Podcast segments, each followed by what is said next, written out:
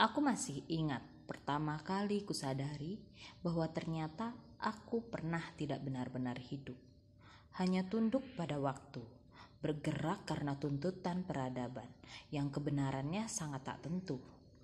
Aku masih ingat, ternyata aku bisa punya ambisi, punya kekuatan untuk bergerak sesuai keinginanku, tanpa suruhan, tanpa tuntutan mereka atas kehendakku sendiri.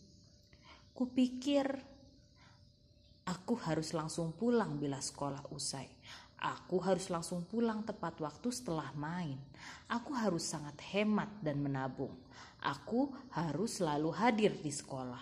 Aku harus mendapat nilai 100.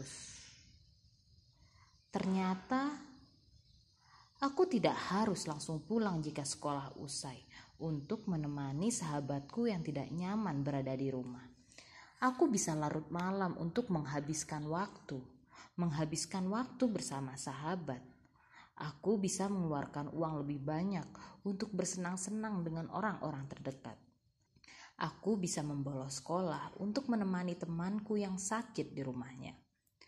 Aku tidak harus mendapat nilai 100 untuk memahami persahabatan dan dunia beserta isinya.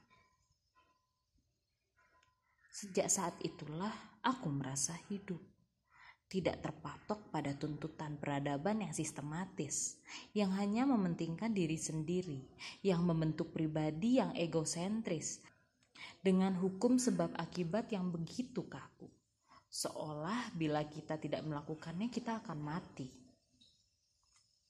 Hidup adalah bebas merdeka, melakukan segala hal yang aku inginkan, bebas merdeka belajar apa yang aku inginkan bebas memilih cara untuk memaknai kehidupan, hidup yang bermanfaat untuk diri sendiri, hidup yang bermanfaat untuk orang lain, dan hidup yang bermanfaat bagi semesta tempat aku berdiri.